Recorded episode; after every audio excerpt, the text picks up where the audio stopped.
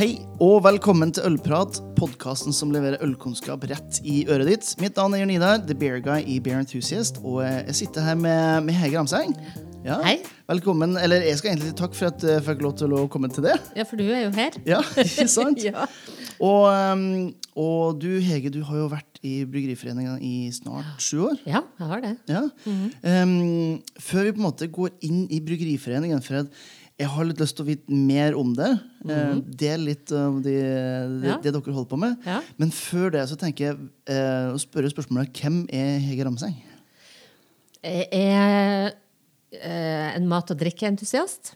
Eh, jeg blir veldig engasjert i det jeg holder på med, så derfor så passer det veldig godt det å jobbe med mat og drikke, og nå med, med øl. Og jeg har jo jobba som informasjonssjef i Arcus tidligere, Mm. så da nå er det bare porno og sigaretter igjen, tenker jeg. Ja, ikke sant? Så, så, så det er full sirkel, ja. ja. Men eh, øl er jo et fantastisk eh, område å jobbe med, for eh, det er jo knytta opp mot så mange andre ting. Altså for eksempel så hadde jeg jo gått hånd i hånd med utviklinga på lokalmat. Ja, ja, ja. Eh, så eh, jeg jobba jo mye eh, med forskjellige nettverk som jeg syns er fryktelig artig. Med alt fra Bygdekvinnelaget til Innovasjon Norge til Landbruksdepartementet til alt sånn. For eh, en av mine eh, store kjepphester har jo vært det her med å få sett eh, norsk, norsk øl på bordet til den norske maten. Ja. Og altfor mange ganger så har jo jeg vært i forskjellige offisielle sammenhenger hvor det blir servert kjip eh, spansk vin til den norske maten. Og sånne ting blir jeg ekstremt opprørt av. Ja. Ja. Ja, i hvert fall. Altså, jeg, jeg kommer fra matbransjen Ja. sjøl. Jeg er jo utdannet kokk og, Ja. og servitør. Og jeg, jeg vet jo den Altså, når jeg begynte for 15 år siden eh, med mat så vi, vi brydde oss ikke om hva Altså, kjøttet det kommer fra kua. Du brydde ikke om hvordan går det kommer fra. Hvordan, altså, du, man, den, den fokuset som har kommet de siste årene på, eh, på det lokale, det er jo eh, noe som du ser gjenspeiles òg i, i drikkevarer. Eller burde, kanskje. Det burde, og jeg sitter jo òg i styret i Norske Akevitters Venner, og, og eh, det er jo man, Det burde jo være en selvfølge når du reiser til Italia eller til Frankrike, så har du jo eh, den franske vinen eller den italienske vinen, eller eh, hvor du nå er henne. Og da skulle det jo være en selvfølge at du har norsk øl og norsk akevitt på bordet eh, i alle sammenhenger. Nå begynner jo sider å komme veldig sterkt Ja, eh, frem òg. Og du har jo noen lokale produsenter på Vestlandet som er veldig parallelt med utviklinga på, eh, på småskalabryggerier i Norge. ikke sant? Ja.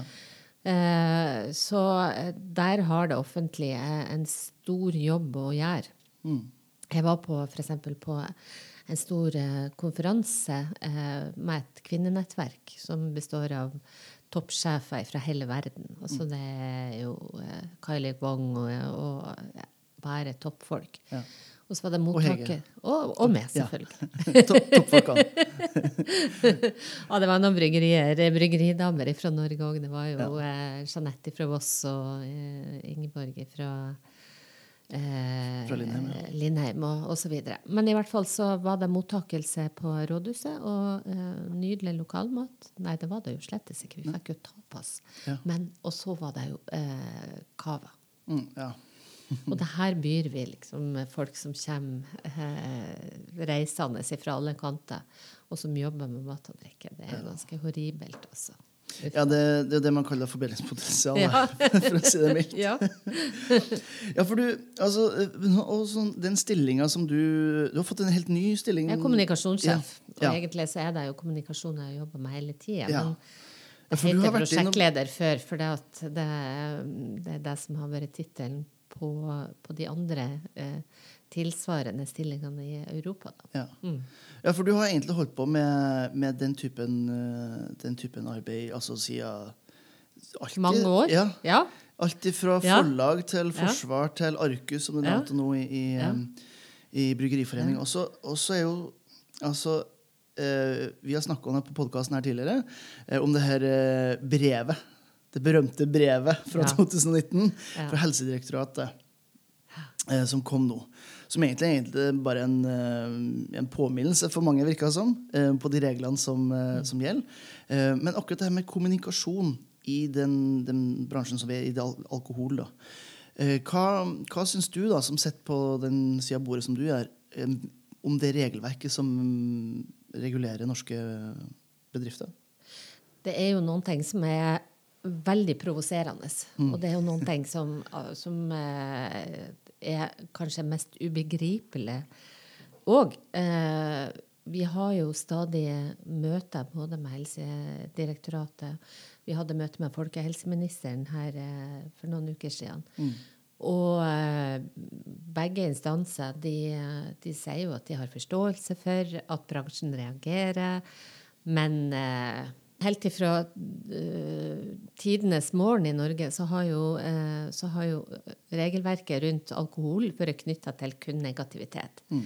Og det å se på uh, alkohol som noen ting som kan bidra positivt til livet, altså til nytelse, til glede, til smak, til noe som du nyter til mat eh, og eh, positive opplevelser, det er liksom bare et tabu. Ja. Det er fullstendig tabu. Og eh, det at verden har bevega seg videre siden 1975, det er det jo tydeligvis mange som ikke har fått med seg da, Nei. innenfor regelgiverne. da. Mm. Og regelverket ble modernisert i 2016. Men eh, eh, det her omfatter da ikke sosiale medier Nei. av en eller annen mystisk grunn. Altså, begrunnelsen er jo at eh, sosiale medier er virale medier. ikke sant? Ja. At du kan risikere å bli pådytta noe som du ikke har bedt om. Men eh, nå er det jo sånn at de fleste eh, bruker jo kun sosiale medier til å kommunisere med Ja. i dag.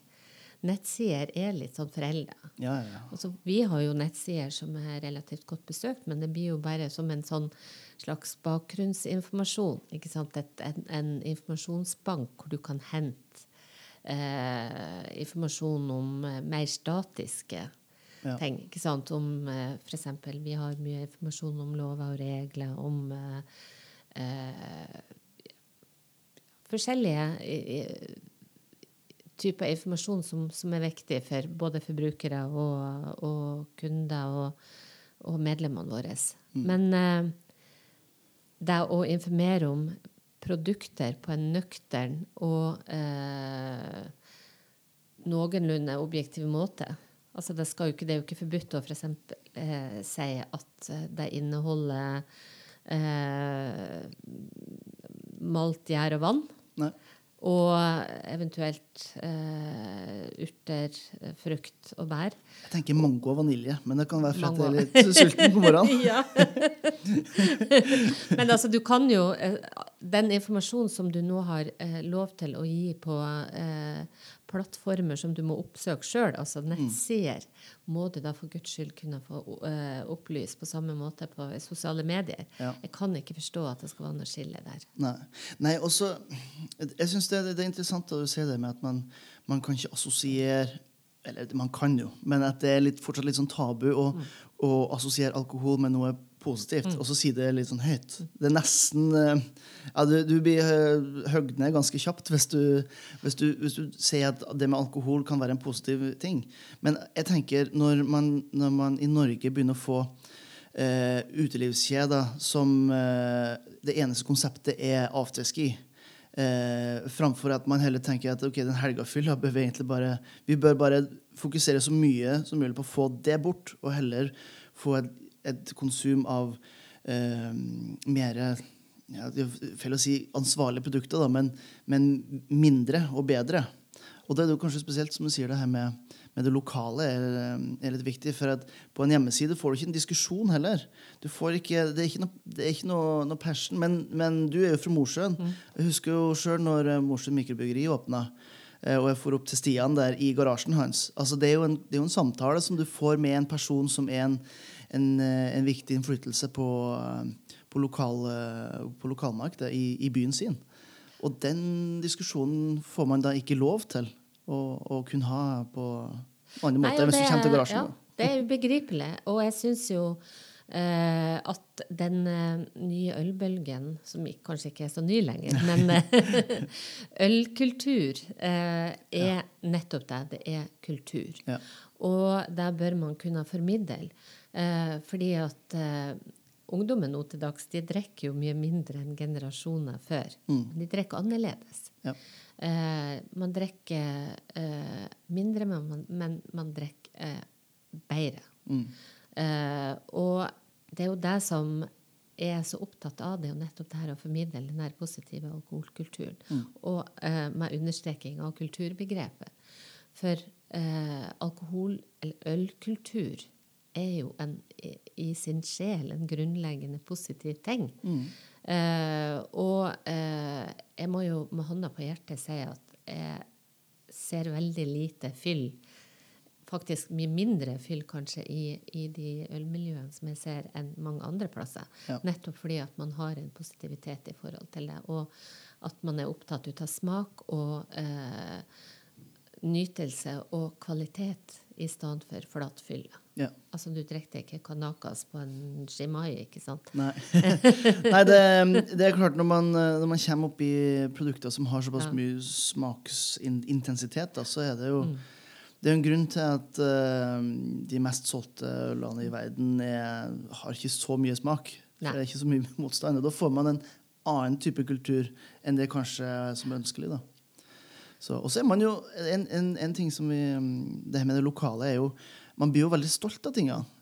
Ikke sant? Men det, det er klart, hvis man kommer fra ei, ei eh, bygd oppe i, eh, i nord, da, eller i vest, eller hvor det måtte være, så vil man jo gjerne man vil jo gjerne snakke og vise fram da, det gode som er fra den plassen. Altså Nordmenn vi er sjøldiggere de luxe. Vi er det. Men uh, kommer du fra Mosjøen, eller kommer du fra Senja, eller uh, Nordgården, eller hvor som helst, så eh, har du jo ikke så mange andre muligheter til å få vist fram produktet ditt enn gjennom sosiale medier. Nei, ikke sant. Du har ikke. Og det, det er dyrt å reise på festivaler. Det er dyrt å eh, Det er dyrt å være fattig. Ja. det er dyrt å, å ha eh, Dyrt å være gründer, Ja, det er dyrt, veldig dyrt å være gründer. Og skal du få synliggjort produktet, så er du nødt til å fe rundt og vise deg fram. Mm.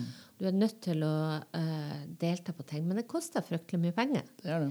Det gjør det. Og uh, jeg, jeg ser jo der rundt omkring uh, at det er veldig mange arrangementer som forventer av bryggeriene at de skal stille med gratisprodukter. Mm. Eh, for de ser at ja, men det er markedsføring for det og sånn. Og de sier at nei, det her må dere slutte med. Mm. Dere skal betale bryggeriene for eh, det de eh, har med seg, og du skal betale de ordentlig. Det har jo vært en litt sånn ukultur det der rundt omkring at man skal liksom stille gratis opp på alle ting. Jeg tror heldigvis at det begynner å forandre seg. Men samtidig så må man jo kunne få synliggjort eh, det man holder på med, Mm. og produktene sine. Og jeg sier jo ikke Da snakker jeg ikke om reklame. Det er jo ingen i Norge eller det, De fleste er jo ikke tilhenger av at man skal ha fullstendig frislepp på reklame, altså øl- eh, eller alkoholreklame. Nei, det, det er bare noen veldig få som er tjent det er med noen det. veldig få som er tjent med det, og det er jo de Samfunnet store ikke. aktørene. Ja. Og det er jo de store, eh, største aktørene med finansielle muskler til å kanskje pøse på med TV-reklame og Mm. alle sånne ting. Og det favoriserer jo òg de internasjonale Ja. store aktørene. Ja. Så det er vi jo ikke tjent med. Men en nøktern produktinformasjon og i sosiale medier. Mm. Det er jo det vi vil ha. Ja. Og da er jo spør, da er liksom spørsmålet, da går vi egentlig inn i, i det her med, med hva er det Bryggeriforeningen gjør? Altså, for, for eh, oss i bransjen så er det ja, i hermetegn eh, lett å se hva dere holder på med. Men for hvermannsen så er det kanskje litt ukjent. Hva, hva gjør Bryggeriforeningen? Utenom å være engasjert i, i akkurat det her, da. Ja. Bryggeriforeninga er jo en gammel forening som ble starta i 1901. Det vil si at vi har jo 120-årsjubileum i, i 2021, Mm. som vi selvfølgelig skal feire. Ja. Eh, Med cava, da, regner jeg med? og med cava, Ja. selvfølgelig. Nei, vi har jo helt siden eh, starten vært en interesseorganisasjon for eh, bryggerier og mineralvannprodusenter i, i Norge.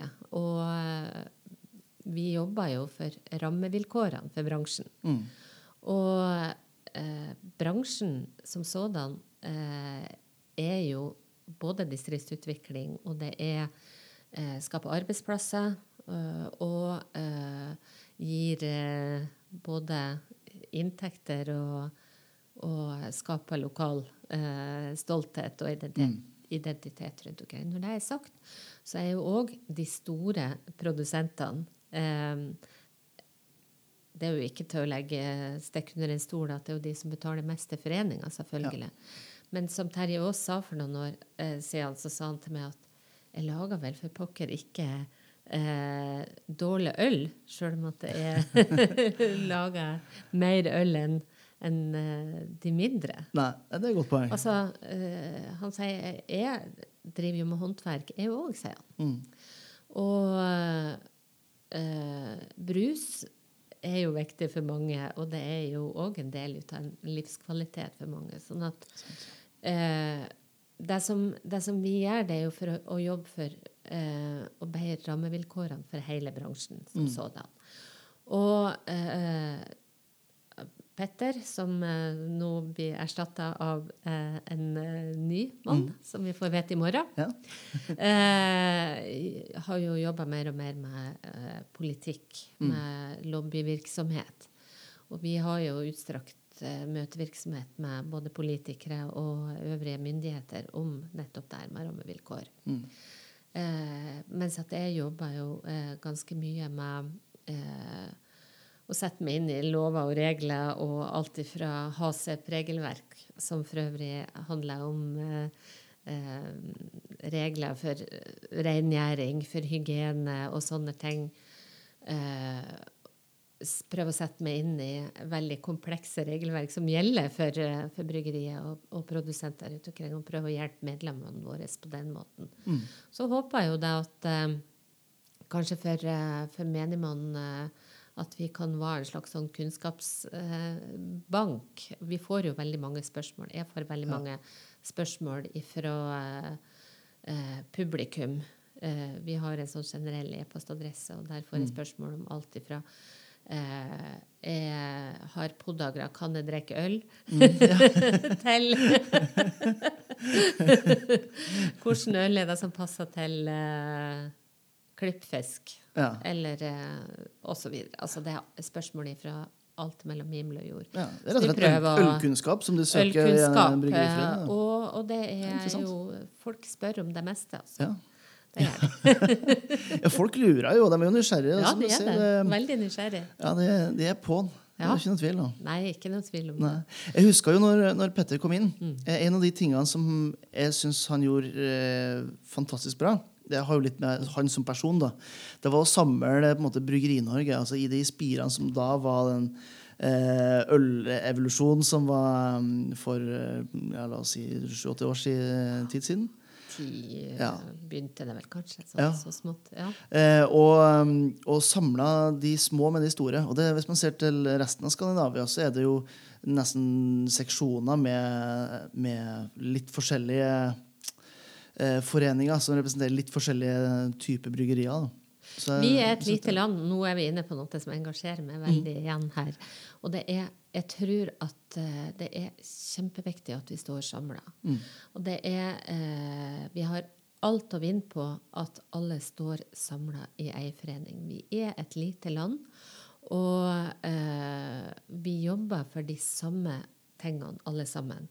Bedre rammevilkår, eh, avgifter, eh, få ned avgiftene, få eh, synliggjøring på sosiale medier. Og vi står mye sterkere hvis vi er en bransje. Det er ingen som er tjent med at det er en splitta bransje. Det ser vi eh, f.eks. Eh, ja, det er mange andre land eh, som, som har sånne fraksjoner, og de har ingen eh, de får ingen kraft bak sine krav, sånn som vi har i Norge. Og det er veldig mange som misunner oss eh, nettopp det her at vi står samla. Vi er jo med i Brews of Europe, som er den europeiske bryggerorganisasjonen. Eh, og da ser vi jo, vi er jo i samtale med dem eh, ganske ofte. Og jeg er Det er ikke tvil i min sjel om at eh, det er det beste for alle sammen at vi står som én bransje. Mm. Eh, både sånn internhygienisk og ytre sett i forhold til myndigheter og i forhold til eh, andre autoriteter, at vi er en samla bransje. Ja. ja. Det er fortsatt et godt, godt, poeng, men da må jeg få lov til å utfordre litt. Da, for det er jo, som sier, det er jo ganske store forskjeller på et lite gårdsbryggeri oppe i Lom versus et internasjonalt uh, konsern som f.eks. Carlsberg eller Heineken, som er inne i Norge. Um, og det er jo to vidt forskjellige praksiser ut i, i, i, det daglige også. Om det måtte være i dagligvare eller om det måtte være i Horeka eller hvor, hvor det var.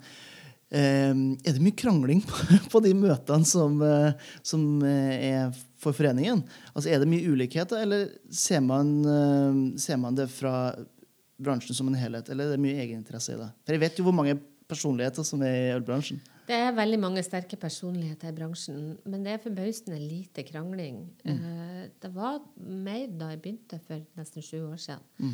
Så, uh, så, var det faktisk mer krangling enn det, det er nå. For nå uh, er det stort sett enighet om at vi det gagner alle at vi drar i samme retning. Mm.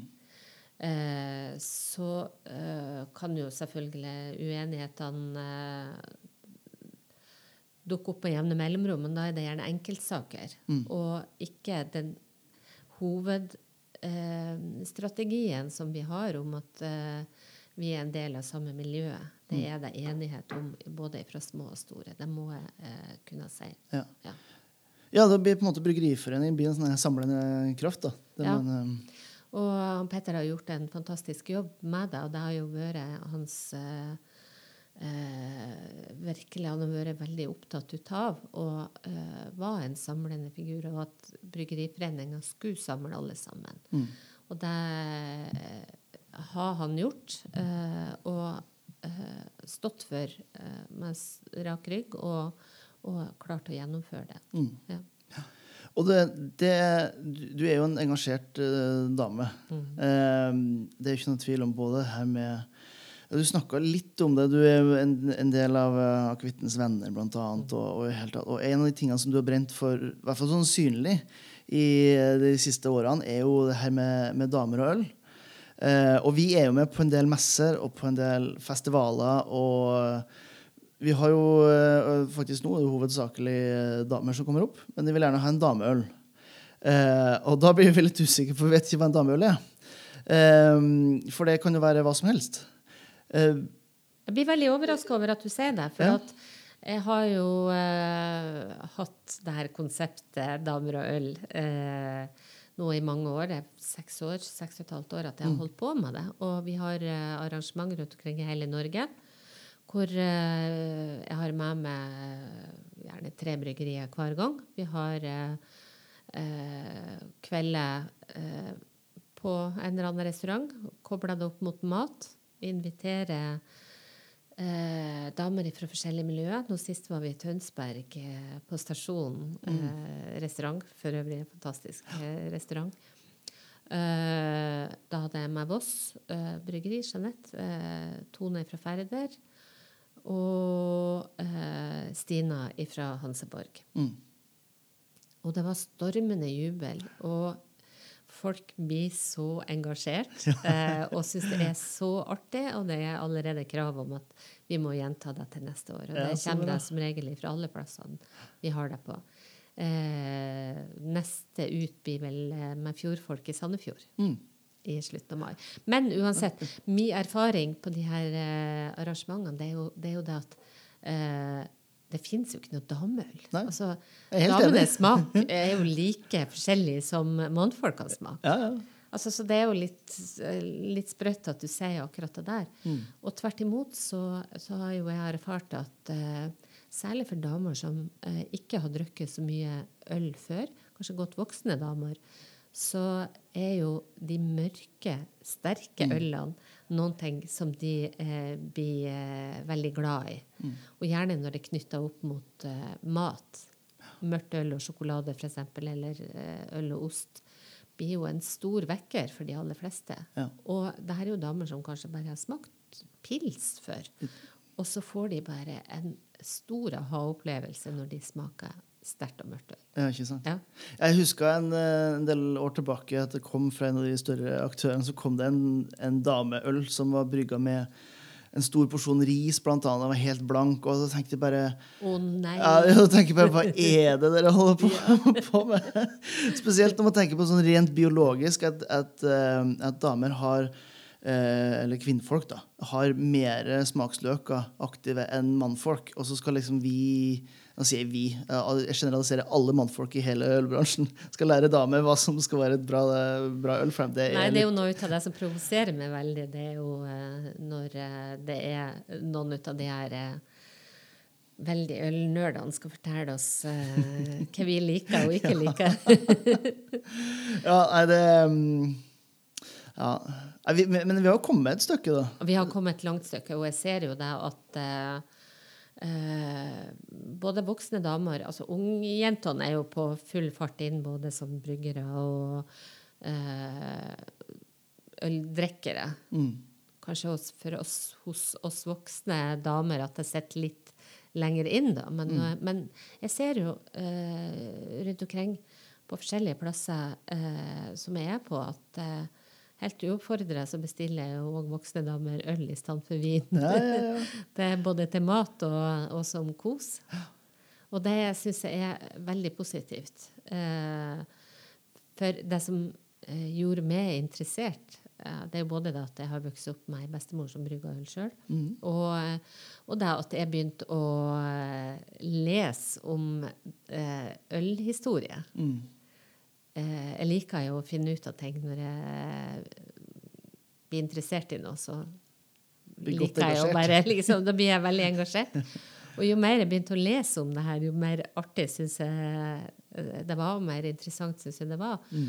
Eh, at, at damer har vært så til stede i ølhistorien i så mange tusen år. Mm.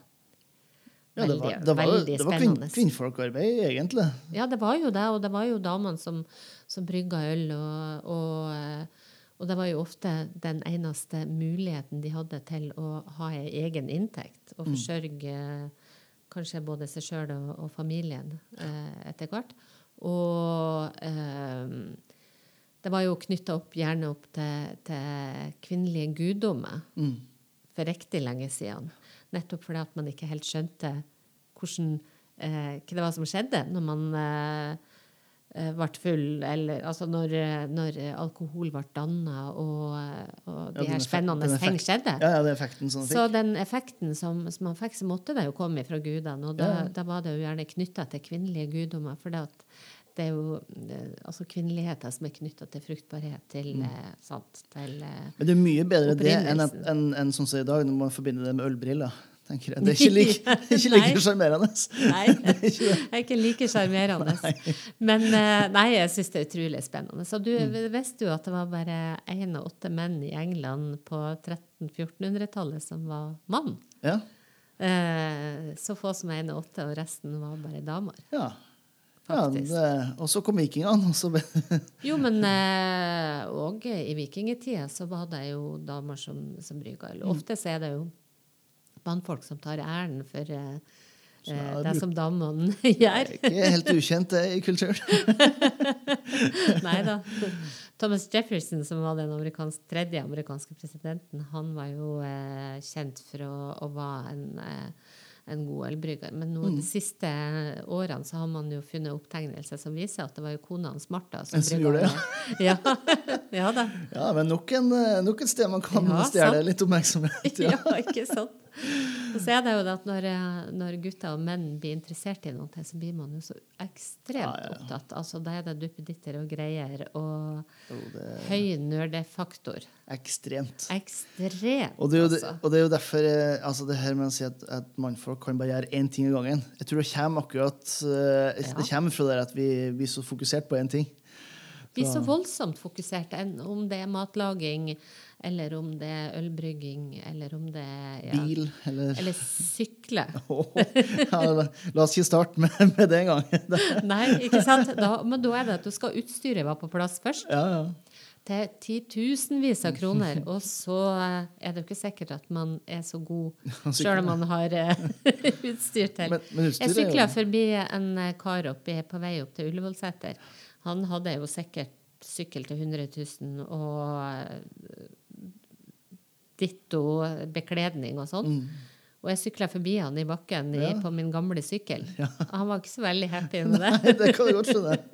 Jeg har slutta å sykle, for jeg blir jo sykla forbi av eh, damer i 70-80-årene som holder på med elsykler. Og da merker jeg motivasjonen stoppe helt, for min del i hvert fall. ja. Men sånn er det med brygging òg. Ja, Det er det- ikke sikkert at du blir en sånn fantastisk brygger sjøl om du har Det er derfor jeg har utstyr. slutta å brygge hjemme, ja. Det, det, nå kommer det for en dag her.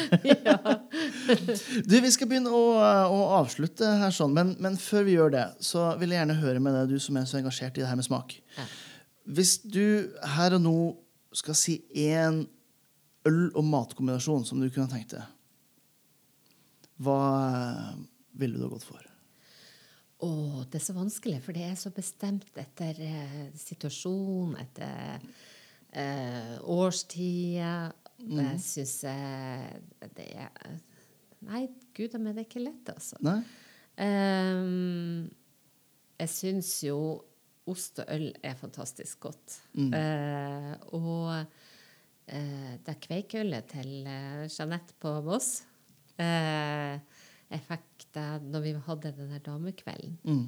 Eh, da hadde vi det med en sånn Det var en sånn grov vaffel med eh, en, en veldig god løyrom på.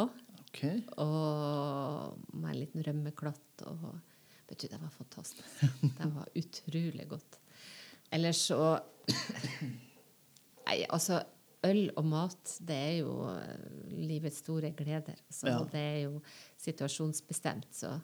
Og jeg syns jo det kan jo være aldeles eh, fantastisk eh, å ligge i hengekøya med en, en pils. Og nå ser jeg jo at det er flere ut av håndverksbryggeriene som lager pilsnerøl. Og eh, en god pils i solveggen i påsken, da tenker jeg at eh, da blir vi fornøyd begge to. Ja, da, det? Så blir det god stemning, ja. Ikke Ja. tvil om. Du Hege, ja. tusen takk for at du tok deg tid å prate med. Setter pris på. Også til dere som eh, hører på, takk for at dere har holdt ut med oss i over en halvtime. Eh, og så kan dere jo selvfølgelig gå inn hvis dere har lyst, og så gi oss en liten rating på enten podkastappen din eller på iTunes. Det setter vi pris på. Og til neste gang så får du huske at gode folk fortjener godt øl.